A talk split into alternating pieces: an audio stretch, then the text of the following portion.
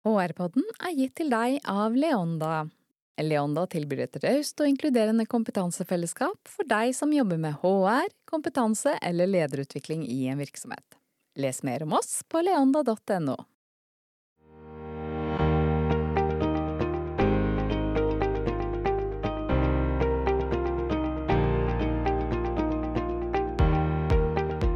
Velkommen til HR-podden. Mitt navn er Annelise Heide. Jeg jobber som lederutvikler, foredragsholder og coach, og jeg har et veldig stort hjerte for HR-faget. Jeg leder digitale og fysiske kompetansenettverk i Leonda, og i godt selskap med spennende gjester byr jeg på faglig påfyll og aktuelle HR-tips hver uke.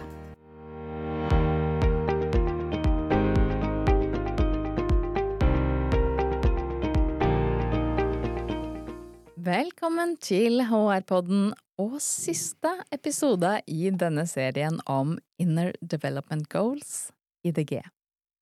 Hvis du har gått glipp av tidligere episoder der vi forklarer konseptet, så anbefaler jeg å starte med episode 111. Og hør gjerne 113, 115, 117 og 119. Hør denne episoden. Så hvorfor hører IDG hjemme på HR-podden? For meg handler det om å skape bærekraftige arbeidsplasser, og det handler om å se koblingen mellom den utviklingen av mennesker og fellesskap som skjer på jobben, og det som skal til for å skape en bedre verden. Jeg tror at alle vi som jobber med mennesker og organisasjoner kan gjøre en forskjell, og at vi bør velge å gjøre det. Og for å kunne gjøre en forskjell, så trenger vi kunnskap. Mine gjester i denne serien om IDG er Anna Svanberg og Jannike Bugge i Brave Leadership. Anna og Jannike er også grunnleggerne av IDG Oslo Brave Hub, sammen med Bård Fyn. Velkommen tilbake, Anna og Jannike. Tusen takk for det, Annelise. Det er stas å være her. Herlig. Du, det er fem dimensjoner i dette IDG-rammeverket. Being, thinking, relating, collaborating og acting. Så i dag skal vi dukke ned i den femte dimensjonen, acting. Jeg tror det er noe dere gleder dere ekstra til, det får vi snart høre mer om. Men, men hva ligger i denne dimensjonen? I denne dimensjonen, den heter jo acting, altså handling. Og veldig mange av de andre dimensjonene bygger jo opp mot denne finale dimensjonen, som handler om å handle, faktisk gjennomføre og gjøre noe. Sånn kort sagt.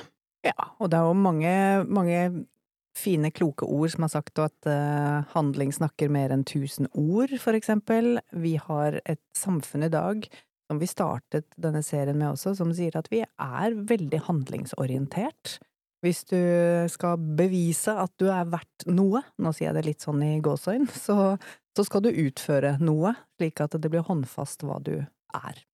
Og når vi har nå vært gjennom alle dimensjonene, så håper vi at det blir tydeligere for flere at når vi har gode grunnlag for de beslutningene vi har tatt, da handler vi forhåpentligvis enda mer i tråd med både egne verdier, virksomhetens verdier og en bærekraftig verden.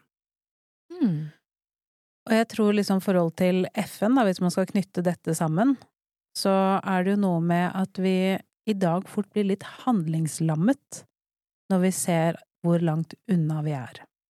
Vi hører på nyhetene om hvor dårlig det går, vi merker det, kanskje ikke fullt så mye i Norge, likevel så har vi kanskje mer ekstremvær, men vi ser jo ringvirkningene av klimaendringene.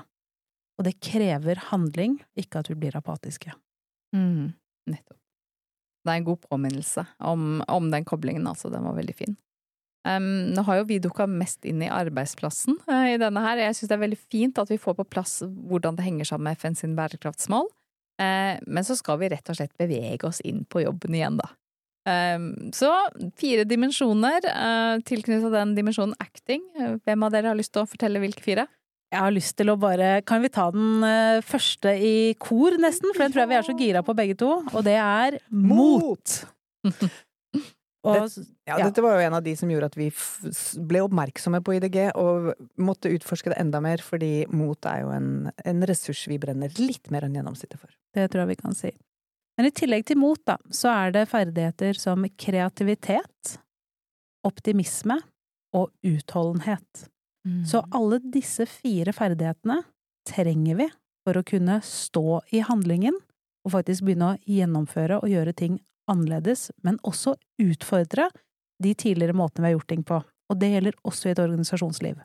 Definitivt. Så mm, kan vi nesten dukke litt ned i alle fire, hvorfor disse fire er viktige på jobben, eller i organisasjonsliv, som du sier? Veldig gjerne. Um, og vi kan jo kanskje begynne med mot, Jannicke, som handler om å ha evne til å stå opp for egne verdier, og også virksomhetens verdier. Tørre å ta beslutninger. Vi ser jo i dag en Mm. ganske så stor sånn beslutningsvegring mange steder. Vi trenger også å trene oss på å ta beslutninger, få beslutninger i konsekvenser. Eh, utføre bestemte handlinger, som innimellom kan oppleves som litt ubehagelig, men også, hvis det er nødvendig, tørre å utfordre og nesten sånn forstyrre eksisterende strukturer og synspunkter. Mm. Det krever mye mot å gå inn der, og vi sier også at mot, det trenger du ikke før du kjenner at noe er ubehagelig, eller du er litt usikker. Så mot er eh, viktig for oss. Og mot, i og med at vi sier den definisjonen som du nettopp sa, så er det jo veldig mange av de ferdighetene vi allerede har snakket om, som i hvert fall jeg kan si med meg selv at jeg vet jeg har behov for å trene på. Og hver gang jeg skal trene på noe som jeg ikke eh, syns er så lett, i en treningsøvelse, gjøre nye refleksjoner, få spørsmål som jeg syns er litt vriene, jeg trenger mot hele tiden, jeg. Jeg trenger mot til å utføre veldig mye av de andre oppgavene. Mm. Eller bare som hvis jeg skal tenke at jeg skal lede et møte på en annen måte enn det jeg er vant til å gjøre, og som medarbeiderne er vant til at jeg leder møter på, så krever det faktisk litt hverdagsmot for meg å gjøre noe nytt. Mm. Nettopp. Så er det jo kreativitet, og den henger jo tett sammen med mot. Den henger også tett sammen med psykologisk trygghet, som jeg har snakket om. Forhold til at eh, vi sier ofte at det finnes ingen eh, dumme ideer. Det må vi nesten gjøre for at vi skal tørre å være kreative noen ganger. Og det handler jo om evnen til å generere og utvikle originale ideer, tørre å innovere, og være villig til å forstyrre konvensjonelle mønstre. Og mønstre har vi utrolig mange av i en virksomhet. Vi gjør ting sånn som det har vært gjort, fordi noen en gang har tenkt at det var en god idé. Og så ble det et mønster, og så lærte man opp i nye ansatte i å gjøre det på samme måte, og så kommer det kanskje til et punkt hvor vi sier vi trenger å endre litt på kulturen vår. Ja, hvis du skal endre på en hel kultur, så trenger du alle disse ferdighetene. Da trenger du å bryte det opp og finne ut av hvor sitter roten, hvilke ting er det vi kan sette fokus på for å vri kompasset vårt bitte lite grann for å endre på en kultur. Hvis vi har en litt låst læringskultur, så trenger vi å øve på kreative måter og finne ut av hvordan skal vi løse opp på dette, hvordan skal vi få skape et større handlingsrom i at det går an å gjøre ting helt annerledes. Og så tror jeg at kreativitet på jobb innimellom er litt sånn misforstått begrep, i forhold til at mange tenker at det handler om å være god til å tegne eller male eller skape ting. Eh, Men kreativitet handler vel, i hvert fall i min verden, ganske mye om løsningsorientering, og se ting på nye måter. Mm. Og det trenger vi virkelig på jobb, også hvis vi skal tenke at vi har en ny strategi. Hvordan er det vi i HR skal implementere og ta tak i den strategien hos våre medarbeidere, sånn at vi får en ny måte å jobbe på, en ny måte å nå våre mål på. Kanskje vi trenger kreative måter å kommunisere det på? Kanskje vi kan gjøre det helt annerledes enn med en powerpoint-presentasjon, for eksempel?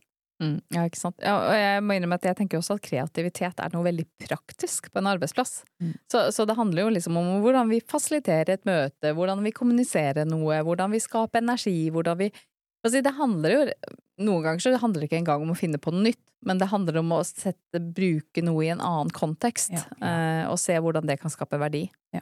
Og for meg så er også kreativitet litt sånn lekenhet, på en eller annen Ja. måte. Mm. Så er det neste, det handler om optimisme, altså evnen til å beholde og kommunisere en følelse av håp. Mm. Det å klare å ha en positiv holdning og stole på mulighetene til en meningsfull endring. Mm. Og håpet tror jeg kanskje er noe av det sterkeste på mange måter vi mennesker har, og som også kanskje bidrar til at vi tør å ha mot, da. For ikke sant, mot, hvis du skal, hvis du er modig, så er det en risiko involvert. Da må du på mange måter ha så stor tro og håp på at du vil klare det, du vil gjennomføre, eller i hvert fall at du lærer noe. Mm. De henger også ganske så tett sammen. Absolutt. Og vi sier jo at en viktig lederegenskap for oss som jobber mye med ledere, er å ha fremtidstro. Og i den verden vi lever i i dag, så er det søren ikke alltid like lett. Så bevissthet rundt hva gjør at jeg har tro på fremtiden, hva slags resultater og mål kan jeg stå inne for, og hva har jeg tro på at vi sammen skal få til, og hvordan sprer jeg den optimismen? For jeg vet i hvert fall at jeg jobber helt annerledes hvis jeg har en optimistisk ledergruppe å, å jobbe opp mot, Mm. enn om jeg har noen som eh, tenker at dette kommer aldri til å gå. Ja, ikke sant. Også, ja. Jeg, jeg bare kjente jeg ble litt Jeg har jo hørt en del forskning på det med optimisme også, hvordan det er med å skape et lykkeligere liv, og at vi har det bedre. Eh, og så vet jeg jo at mange av disse IDG-ferdighetene, det er tilknyttet til ting vi kan trene på. Men kan vi trene optimisme? Absolutt. Fortell! Vi kan trene optimisme ved å rett og slett prøve å være i en følelse som handler om optimisme. Så se for deg, tenk tilbake igjen til en eller annen situasjon hvor du kjenner at du virkelig mestret. Det kan være privat, og det kan være på jobb, men liksom gå tilbake igjen til den hendelsen.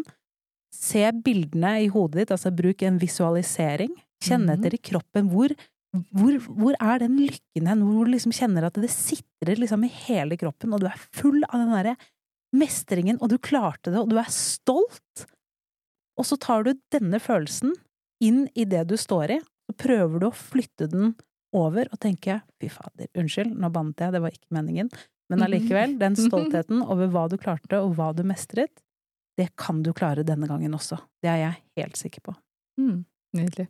Det er jo noen som sier at noen er eh, halvfullt glass og halvtomt glass i utgangspunktet, og jeg tenker at det skal vi skrote. For jeg tror eh, energi følger tanker. Ja. Og det er veldig mye mer positiv energi i å tenke at dette går bra, Mm. eh, og at den risikoen som er involvert dersom det ikke skulle gå bra, det er en risiko jeg kan takle. Og da er vi litt tilbake til selvledelse igjen, som er Nå er vi på acting, men selvledelse er jo det kognitive, ikke sant? Det er hva vi tenker, og det er hva vi gjør. Ja. Mm. Så trene på å bytte ut tanker, det er noe vi kan trene på. Definitivt. Og der, ikke sant, veldig ofte så tenker vi at dette kommer ikke til å gå, sier vi ganske ofte til oss selv. Mhm. Bytte ut den med tenk hvis det går, da. Ja, ikke sant. Tenk hvis det er mulig. Tenk hvis det er mulig, ja. Som de snakker om hun Anja Anja Hemmerseng Edin er Ja, helt rå på å snakke om det. Og det kan vi også bruke når vi står i ulike utfordringer på jobb også. I forhold til å tenke men tenk om det går, da. Ja, Tenk om det er mulig. Og også sette oss som et team inn i den situasjonen, og prøve å si ok, men når vi har oppfylt dette, hvordan er det da? Hvordan møter vi hverandre? Hvordan ser vi på hverandre? Hvordan jobber vi sammen? Være i det bildet, skrive det ned, og så kan man gå tilbake og tenke ok, hva, sånn som vi kjenner oss i dag, hva skal til for at vi faktisk får det til? Mm. Og da er du inne i praktiske øvelser igjen, som du kan gjøre sammen med teamet ditt. Ja. Og det kule noen ganger, det er jo også å gå helt fram, ikke sant, og være i det fremtidsbildet, ikke sant. Nå er vi, la oss si vi er ett år fram i tid, og vi gjennomførte det, vi gjorde det, og så kikker vi tilbake, hva var det vi gjorde? Yes. Eller den motsatte. Et år fram i tid, det, du hører sikkert ikke hjemme her da, men ok, det gikk ikke, vi klarte det ikke. Hva var det som gikk gærent? For det er da vi kan begynne å forebygge, da oppdager vi de tingene. Jeg ser du vil på, Jannicke, kom igjen! Og det du sier, setter ord på nå, det er jo egentlig beskrivelsen av hvordan hele Disney-konseptet har bygget opp alle sine vanvittige filmer og serier og alt det de har Mm. gjort. Disney-modellen har jo fått et navn, til og med, Mm. i at vi trenger Fordi vi skal ikke ha, vi skal ikke ha sånn negativ eller giftig positivisme heller, vi skal ikke late som. Det er ikke det som er meningen, men Nei, vi skal nei. virkelig gå inn i drømmerens bilde av Mhm. hvordan dette kan bli. Og så skal vi ha med oss kritikeren og tenke mm. på ok, hva, hva er, hvilke risikoer er det faktisk vi løper? Og så skal vi finne en realisme inni her. Og i den verden vi lever i i dag, så er det så lett å bli litt tatt av det som ikke funker. Så vi må huske på at vi velger inn drømmene våre. Vi må huske på å lage oss noen ledestjerner som vi genuint tror på og har lyst på. Og så kan vi Mhm. ta inn de andre elementene og justere. Men vi, Mm. må, vi trenger en fremtidstro og en optimisme. Definitivt. Og så eh, la oss bare touche innom veldig kort den siste av de ferdighetene her òg.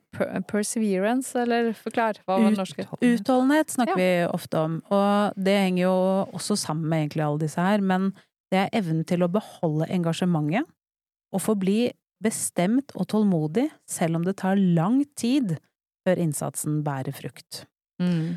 Og det kan vi jo tenke oss for eksempel i en omstillingsprosess, så vet vi at det tar tid.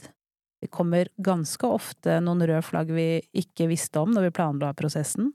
Det å tørre å stå i det, fortsette, holde øynene klart på målet, og bygge resiliens. Altså, Ja. og det trenger vi. Ja. Mm. Og det er jo Det kommer både mot inn der for å tørre å fortsette å stå der, eh, og møte den motstanden som kommer.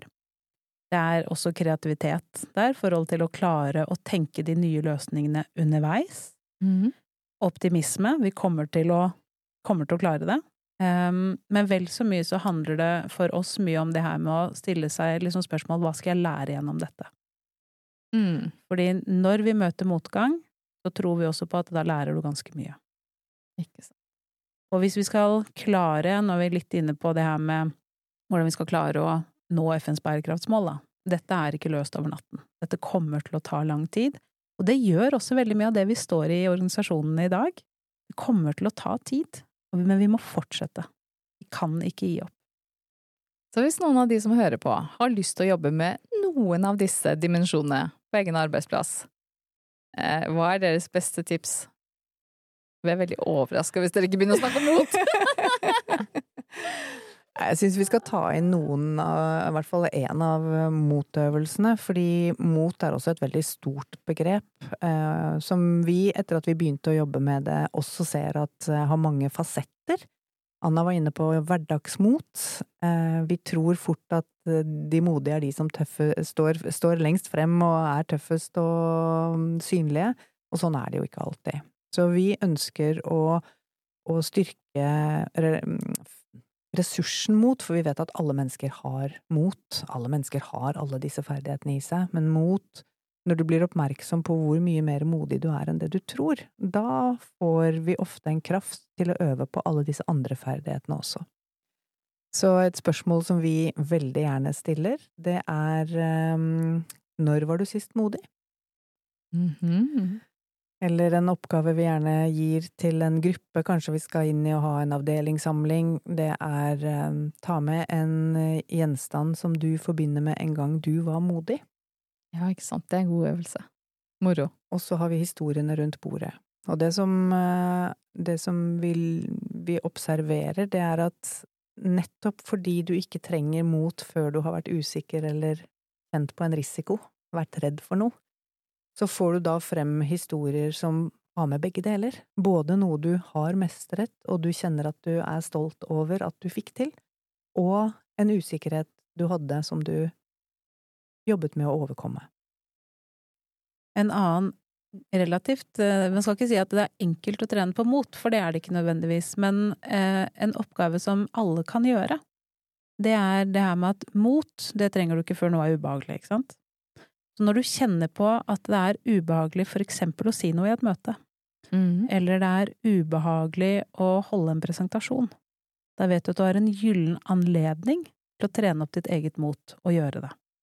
For det handler jo om å tøye komfortsonen, eller gå utenfor komfortsonen. Vi bruker litt ulike begreper etter hva man liker, mm. men det å liksom tørre å utfordre den, da trener du også motet ditt. Jeg hadde en eh, konsulent og jobbet mye med for noen år siden, som trener folk i presentasjonsteknikk.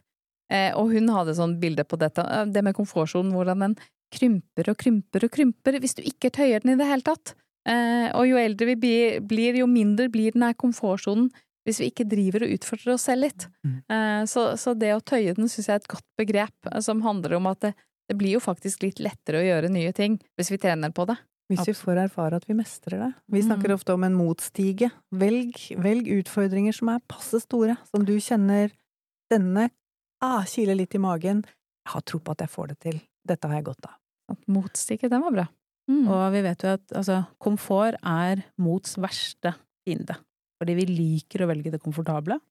Vi trenger å velge det ukomfortable hvis vi skal tøye motet vårt eller trene motet vårt. Litt ukomfortable, kan Ja. vi si det sånn. Litt ukomfortable. Ja, mm. Ja, for, for veldig ukomfortable gjør jo ofte at vi ikke bruker motet vårt, ikke sant? På hvilken måte?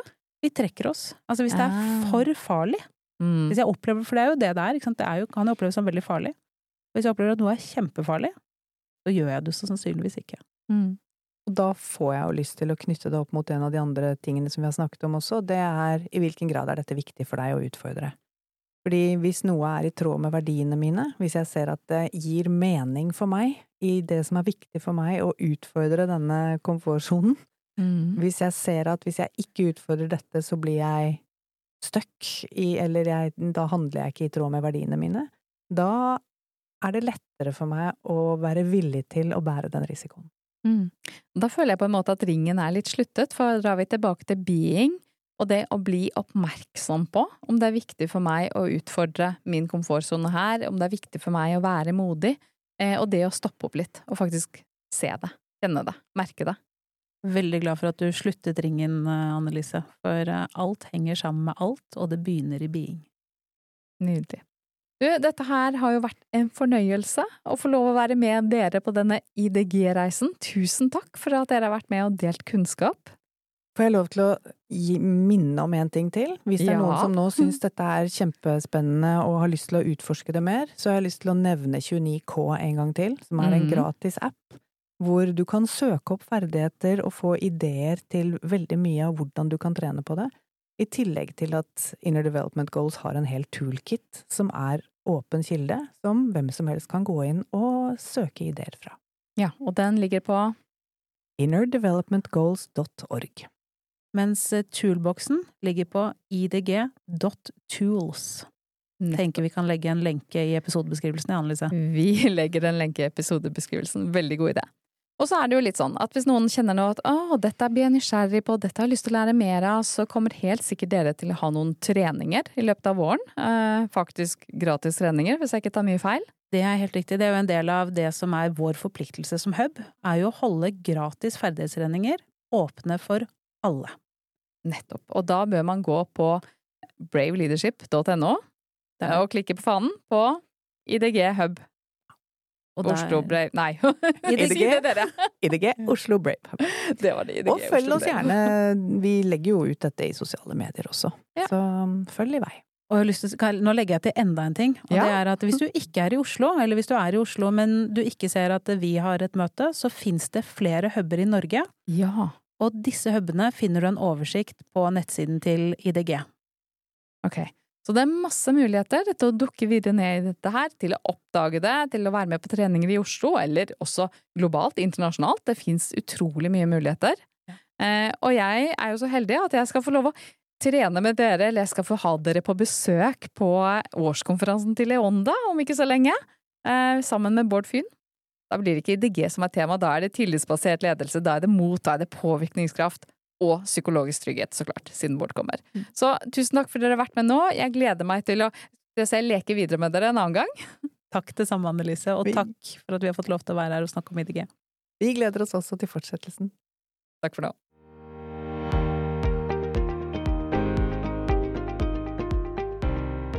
Synes du dette var nyttig?